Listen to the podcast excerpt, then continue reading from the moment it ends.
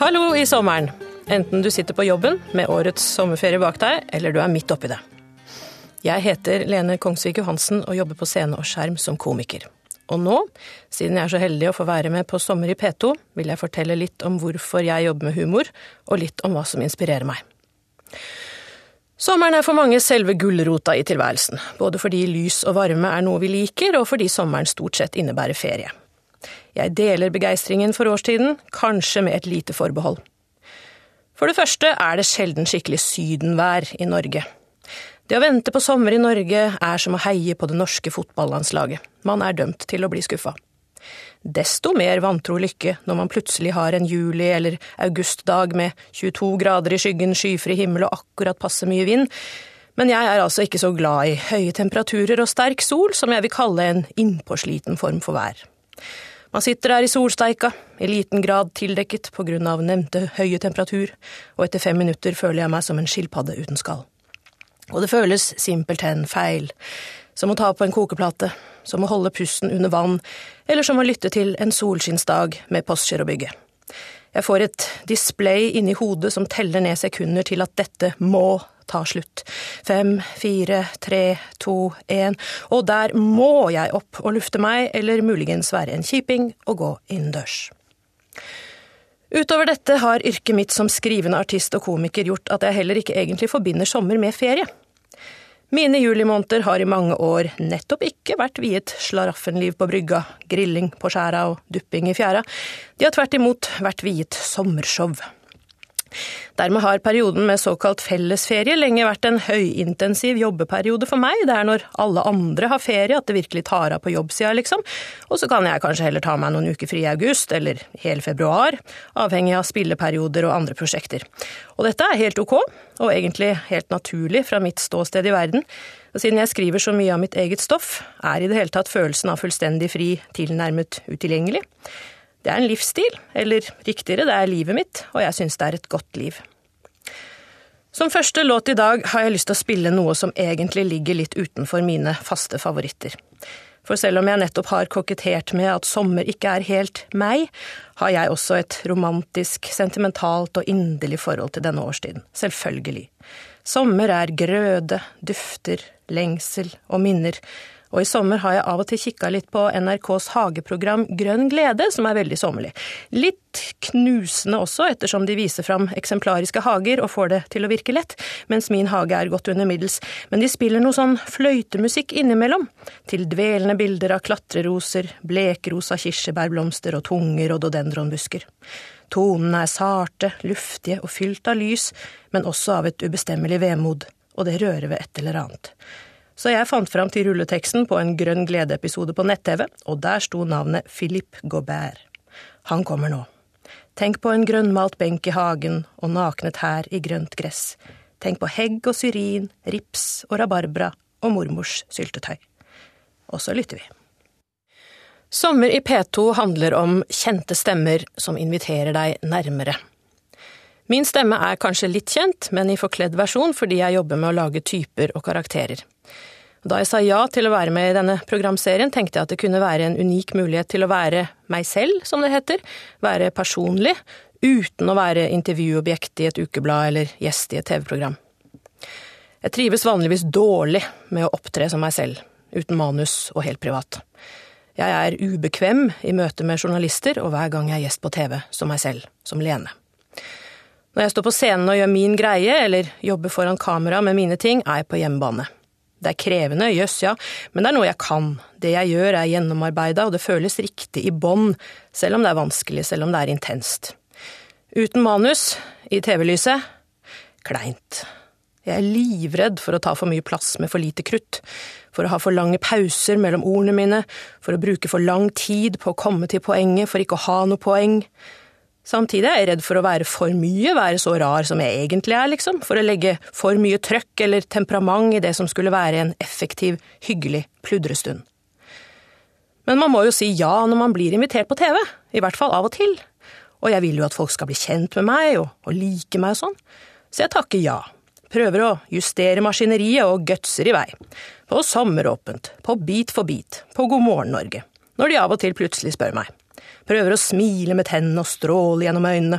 Prøver å gasse på, liksom. Projisere positiv energi, samtidig som jeg prøver å slappe av og gi litt faen, for det er da det blir bra, var ikke sånn det var, når du gasser på og slapper av samtidig? Det blir like rart hver gang. Alle de energiske, glade, aparte og gøyale ansiktsuttrykkene jeg setter opp uten å faktisk være glad, gjør at ansiktsmuskulaturen blir stiv og rar. Stemmen og pusten legger seg på uvante, trange steder. Jeg sitter der i lyset fra studiolampene og føler at trekkene mine langsomt, men ubønnhørlig løser seg opp i et skjevt og merkelig Picasso-portrett, og at alle kan se det. Jeg husker plutselig knapt hva jeg selv heter. Og akkurat da spør den smilende programlederen.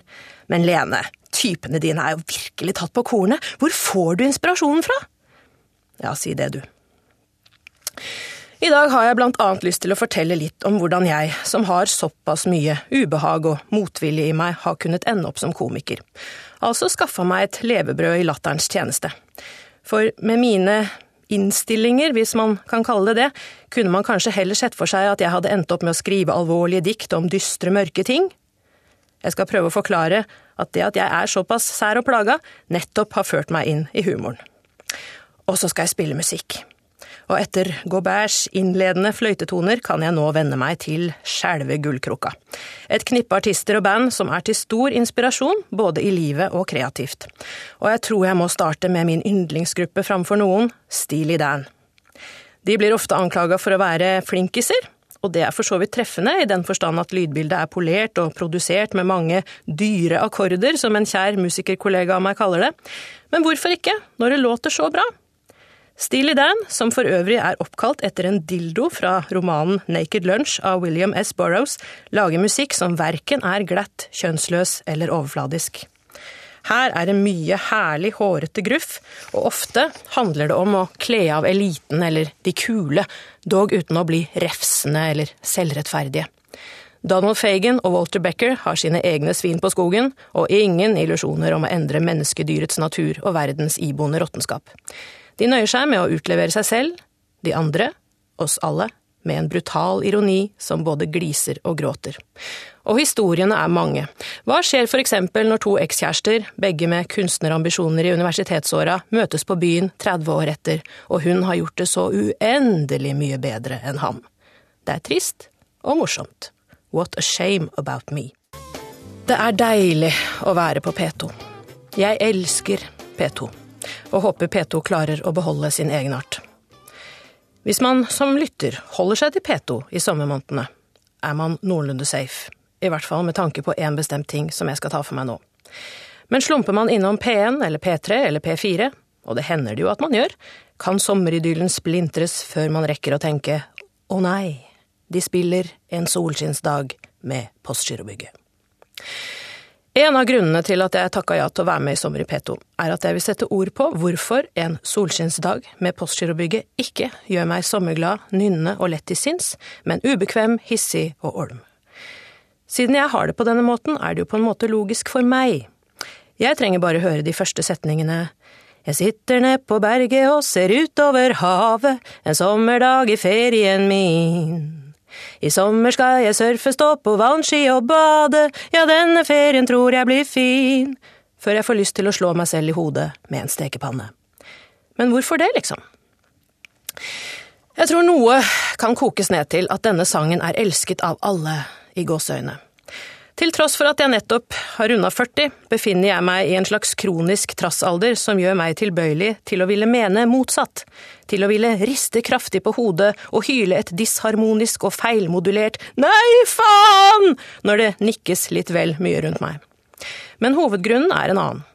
Da denne sangen kom, ble Postgirobygget sammenligna med De Lillos. Vi hygger oss og spiller litt Postgirobygget og litt De Lillos, liksom. Det er like før vi snakker om en solskinnsdag med De Lillos, eller var det neste sommer med Postgirobygget, eller ja ja, samma det, nå er grillen klar, dere! Noe så urettferdig. Jeg kikker litt på jenter, jeg har solbriller på, så ingen riktig ser hvor jeg ser. Den fineste av jentene tar av seg sin bh og snur seg imot meg og sier, hun sier har du det bra, jo takk skal du ha. Jeg har det bedre enn de fleste er til stede, jeg smiler hver dag, fordi jeg er glad. Det er så fint å leve, si meg, kan du ikke se det? For en irriterende fyr! Hele sangen er som en skrytete statuslinje på Facebook fra en fjern, irriterende bekjent. En selvtilfreds og eplekjekk gladlaks med sjelsliv som en tolvårig guttunge. Glad i vannski og fascinert av pupper, og uten én dyster tanke i livet. Alltid glad, alltid smilende. Sikkert litt humørsyk på regnværsdager, og med ubestemmelige nykker og luner, men de reflekterer han ikke over på en solskinnsdag. Han reflekterer vel strengt tatt aldri over noe som helst, for refleksjon er noe ekkelt og truende som ikke ligger for ham, og som han helst ikke vil tvinges til. Så hvis han blir sammen med, eller kanskje flytter sammen med denne jenta som han sjekker opp i sangen, fortsetter han å ture frem som et forvokst barn. Det er hun som må vaske de sure tennissokkene hans, steke Grandisen hans, antagelig den uten paprika, og se på de barnslige seriene med guttehumor og action som han liker på TV. Og hvis det dukker opp vanskeligheter i forholdet, og Eureka, det gjør det, er han ute av stand til å snakke med henne om det. For han vil at alt skal være fint, og når det ikke er det, har han ikke noe språk. For en irriterende fyr. En solskinnsdag med Postgirobygget starter med ordene jeg sitter ned på berget og ser utover havet. For en tilsnikelse! Dette er nesten nøyaktig åpningsordene fra De Lillos nydelige siste sommerferiedag, som jeg skal spille nå. Begge sangene handler om sommer, og er skrevet med et naivt, enkelt språk, men det er en forskjell i måten det blir sett ut mot havet på. Et hav av forskjell. De Lillos der. Jeg heter altså Lene Kongsvik Johansen, og du lytter til Sommer i P2. Noen jobber med blomster, andre med programvare, mat, organisasjonsutvikling. Mitt materiale er språk, og siden jeg lager karakterer og typer, er jeg opptatt av ikke bare ulike stemmer, kroppsholdninger og mimikk, jeg er også opptatt av å fange ulike måter å snakke på, og da sikter jeg ikke til dialekter, men til sjargong, til stil, til språket.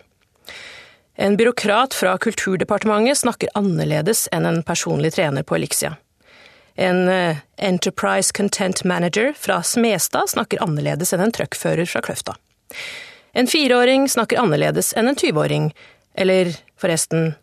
åh… Glem skjole, skjenne og skjele. Det er ikke det jeg tenker på.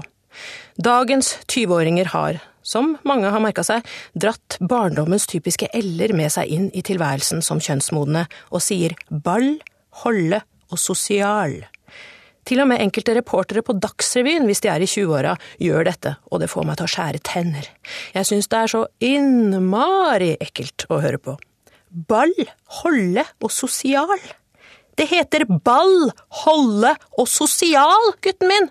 Du er ferdig med smokk og pekebøker og å spise dine egne buser, er du ikke det? Så lær deg å prate, jeg hadde nær sagt reint ditt misfoster, roper jeg til TV-en mens jeg hopper truende opp og ned og hytter med nevene. Jeg tror dette henger sammen, altså at språk er jobben min, og at jeg kan bli så irritert over visse typer språk. Mer om dette etter Randy Newman, en annen stor helt.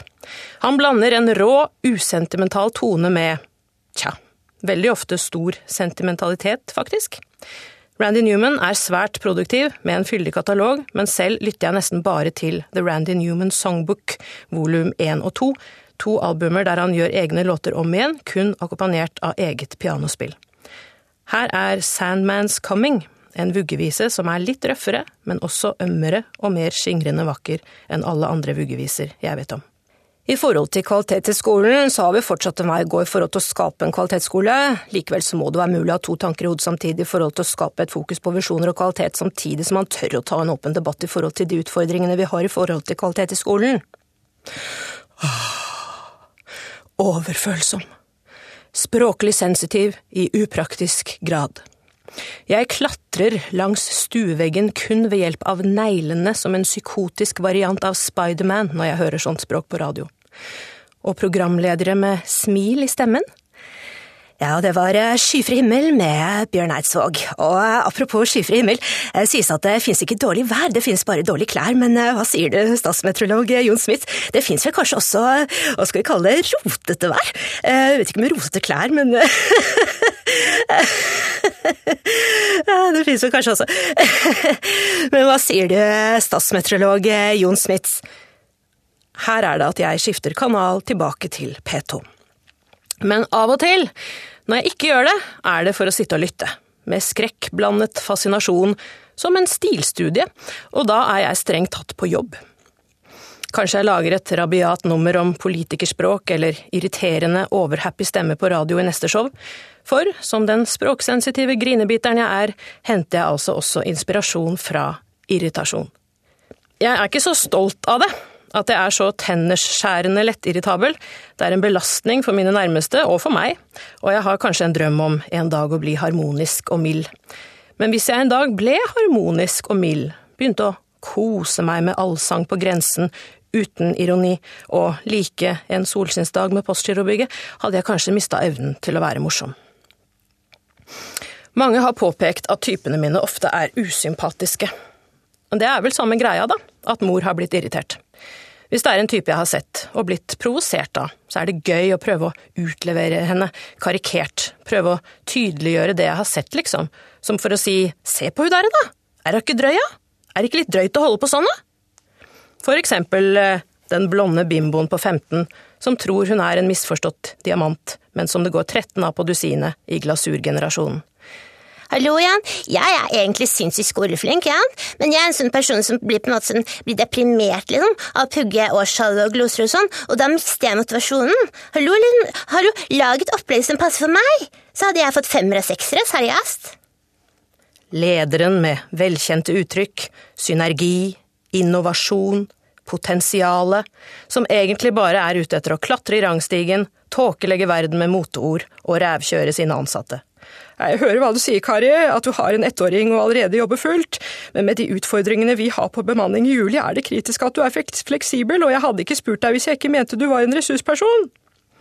Eller Wenche fra Kongsvik ungdomsskole. Hun med flink pike-syndromet som sliter både fysisk og psykisk og burde vært sjukmeldt for lenge siden, og nå prøver jeg å jobbe med meg sjæl for å ta ansvar for egen helse og lære å si nei, altså. Som egentlig bare er en avtalt dovenpels med lav selvkritikk og frekkhetens nådegave. Eller er hun det? En ambisjon i jobben min er å tegne disse karakterene mest mulig rammende, uten å være entydig hatefull, lage typer og karakterer som midt oppi sine livsløgner og skjemmende svakheter også er menneskelige og sårbare. Her kommer skuespiller Rolf Søder og en sang som med stor ømhet handler om menneskelig ufullkommenhet, og det vakre som kan springe ut i det stygge. Det er sommernatt i Oslo, lufta er tung av syrin, og to forhutlede sjeler, to lurvete eksistenser, myser lykkelig utover fjorden i en uventet nådestund. Fin gammel.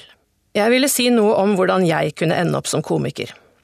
Klisjeen er vel at en komiker sannsynligvis er et menneske med godt humør og et lyst, boblende sinn, lav impulskontroll og en såkalt ekstrovert legning, vil si at tankearbeid, innhenting av energi og nye ideer foregår på utsiden, i samspill med omgivelsene.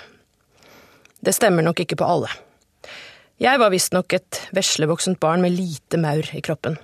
Jeg foretrakk å omgi meg med noen få nære jevnaldrende eller med voksne. Det verste jeg visste var når vi var på besøk hos noen voksne med barn jeg ikke kjente, at de voksne tvang oss barna til å leke med hverandre. Det eneste jeg ville, var å få sitte i sofagruppen, høre på praten, ta en peanøtt i ny og ne og være i fred. I stedet ble jeg utlevert til noen dønn fremmede unger, nettopp fordi, og bare fordi, vi var unger. Og selv om jeg har blitt mye mer sosial med åra, drar jeg med meg behovet for å være i fred. Derfor vil jeg heller sitte alene på bussen, se ut av vinduet og tenke tankene mine, enn å dele sete med en halvbekjent som sier Å, skal du også ta den bussen? Ja, men da kan vi ta følge. Turen er på tre timer, så det er hyggelig å, å reise sammen med noen. Nei, please. Som du nettopp sa, er turen på tre timer tre timer. Jeg kommer til å dø. Jeg vil heller gå hele veien hjem med bussen på ryggen så lenge jeg kan være i fred. Ikke utpreget ekstrovert eller easygoing der, altså. Og det preger min måte å jobbe på også. Jeg er ikke god til å spille ball på møter. Jeg er ikke god på å kaste meg ut i improvisasjoner foran folk. Mitt verste mareritt er å være med i Nytt på nytt. Jeg er ganske spontan, men bare når jeg får tenkt meg om, og tenke, det gjør jeg best alene. Når jeg slipper andres øyne på meg. For jeg er på en måte for mye av alt, føler jeg noen ganger. Jeg skal på ingen måte skryte på meg noen diagnose, men opp og ned går det, og det er svært få i livet mitt som jeg tør å vise det til. Når jeg er oppe, er jeg hyppig euforisk og veldig lettrørt. Da skvulper jeg over av lykke, innsikt, føler jeg, og av kjærlighet til verden og menneskene. Det er godt, men kan bli litt mye. Emosjonell lekkasje er ikke comme il faut, man skal ikke skvulpe. Jeg sitter på bussen med for eksempel Randy Newman på øret og gråter over hvor vakkert og sterkt det er, og selv om jeg vet at tårene er lykketårer, og selv om øynene mine på mystisk vis har lært seg å bare gråte på den siden som vender mot bussvinduet, er det litt flaut. Det er for mye. Når jeg er nede, er jeg svartsynt, selvhatende og olm. Da er jeg død i øynene og slapp i trekkene, og gruer meg til alt fra å prestere ved skrivebordet til å stå opp om morgenen, dusje, smøre en brødskive, sette den ene foten foran den andre. I tillegg er jeg tvers igjennom hypokonder, noe som gjør at jeg kontinuerlig er overbevist om at jeg feiler noe fryktelig. Jeg er så redd for å være alvorlig syk at jeg ikke tør gå til legen. Jeg avlyser vanlige linsekontroller fordi jeg tenker at hvis jeg tropper opp, kommer de til å avdekke grusom øyensykdom, og det orker jeg ikke denne uka, liksom. Og sånn går nå dagene. Så hvorfor har jeg blitt komiker? Jeg tror jeg har blitt komiker ikke på tross av, men nettopp på grunn av at jeg er sær, negativ, plaga og livredd. Og jeg tror mange av oss komikere er sånn. Vi ser hullet, og ikke smultringen. Og det er litt trist, men det er hullet som er morsomt. Og det jeg faktisk gjør når jeg skriver, er dette. Jeg tar et litt styrete indre liv og former det til noe håndterlig. Det er slitsomt å prøve å skrive, for jeg tror jo aldri at jeg skal få til noe bra, men når jeg klarer å få til noe bra, når jeg klarer å gi form til det uformelige, og jeg viser det for folk, og de ler, da blir jeg tydelig for meg selv og verden, og livet er godt. Livet er uendelig godt. Lars Winnerbäck, svensk visepoet, er nestemann ut, og jeg har valgt sangen Stakkars. Lars Winnerbäck og Stakkars. For en mann. Stor i Sverige, og i Norge faktisk, men han burde få et enda større publikum. Denne linja fra sangen syns jeg er ubetalelig. Stackars han som aldri gråter fast han släpar på et høghus. Hva er det ingen skal få se som ingen ikke redan sett, og vart skal det der huset? Her er det mye mat. I spennet mellom den vi prøver å være og det vi prøver å skjule. I spennet mellom glanset forside og en innside som romer uskjønnhet, mørke, rot. I spennet mellom den vi er her og nå, og kjerkegården. Og i dette spennet er det også mye humormat. Et eksempel, som også handler om sommer. Jeg samarbeida med Hilde Louise Asbjørnsen i ti år, i duoen Asbjørnsen og Jo.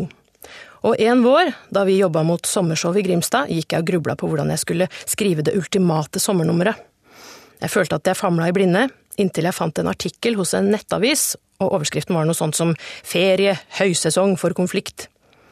Poenget i artikkelen var at ferie generelt, og sommerferie spesielt, er en tid der man er ekstra utsatt for krangling, konflikt og skuffelse, fordi vi forventer oss så mye av ferien.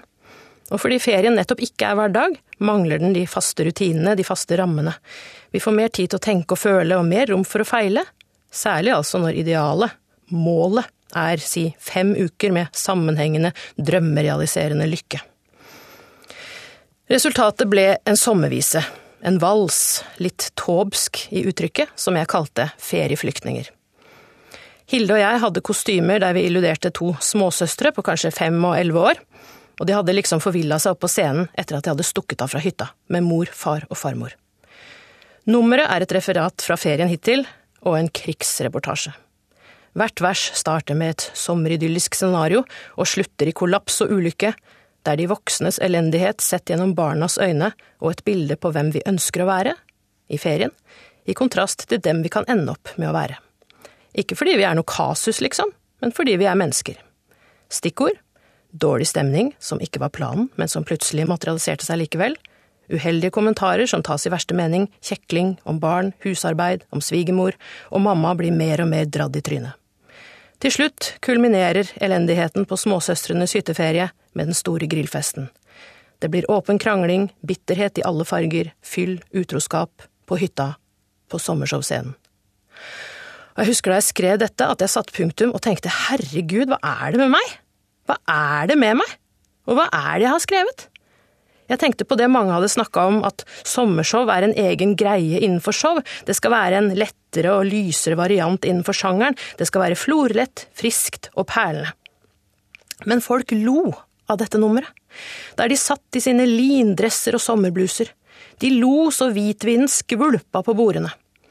Enkelte kvelder var det også en eller annen dame, forskjellig hver gang, som skvulpet som hengte seg opp i en slags blanding av gråt, hysterisk anfall og latterkrampe. Tvers igjennom lyden fra scenen, den lystige musikken, den fryktelige historien og publikums gapskratt kunne man simpelthen høre hvining, hulking og uling. Hver kveld vi gjorde Ferieflyktninger, var det like utrolig. Jeg tok det opp med psykologen min, og jeg sa det er så rart, for jeg tenkte folk kom til å hate det nummeret her. De har kjøpt billett til dyre dommer og kommer rett fra hyttene sine for å kose seg med sommershow, liksom. Psykologen min, som hadde lytta konsentrert, snudde seg mot meg og sa ja, men eh, som du sier, de kommer rett fra hyttene sine. Hun hadde nok et poeng. Ikke i den forstand at samtlige publikummere kom fra hytteferier preget av fyll og fanteri, omsorgssvikt, samlivsbrudd og oppløsning, men de kom fra hyttene sine, og de visste jeg har det i meg samtidig som de tenkte det var ikke meg denne gangen. En tanke. Hvorfor er vi så livredde for å ha høyt gress i hagene våre, for å ha skitne vinduer, ugress i blomsterbedet, for å ha hybelkaniner på stua når det kommer gjester? Det er fordi vi vet om våre egne innerste hemmeligheter, hva vi bærer bak maska, hva som bor i oss. Den tynne hinna mellom orden og kaos i oss selv, vi vet hvor tynn den er. Og det aner oss at hvis naboen kan se vår uklipte plen, dersom gjestene kan se vår enorme hybelkanin, kan det hende han ser rett inn i oss, rett inn der ingen må se. Derfor, i hvert fall blant annet derfor, steller vi i hagen, og ler av svart humor, til og med på sommershowscenen. Jeg sier takk for meg med en annen gladlåt om ting som går gærent, faktisk en lystig skildring av instant, altomfattende kollaps, låta Here Comes The Flood med Neil Hannon, alias The Divine Comedy. Her snakker vi verdens undergang, intet mindre. Framstilt fandenivoldsk, fryktelig og 100% forfriskende. Here comes the sun, run, baby, run. Ha-ha. Fortsatt god sommer.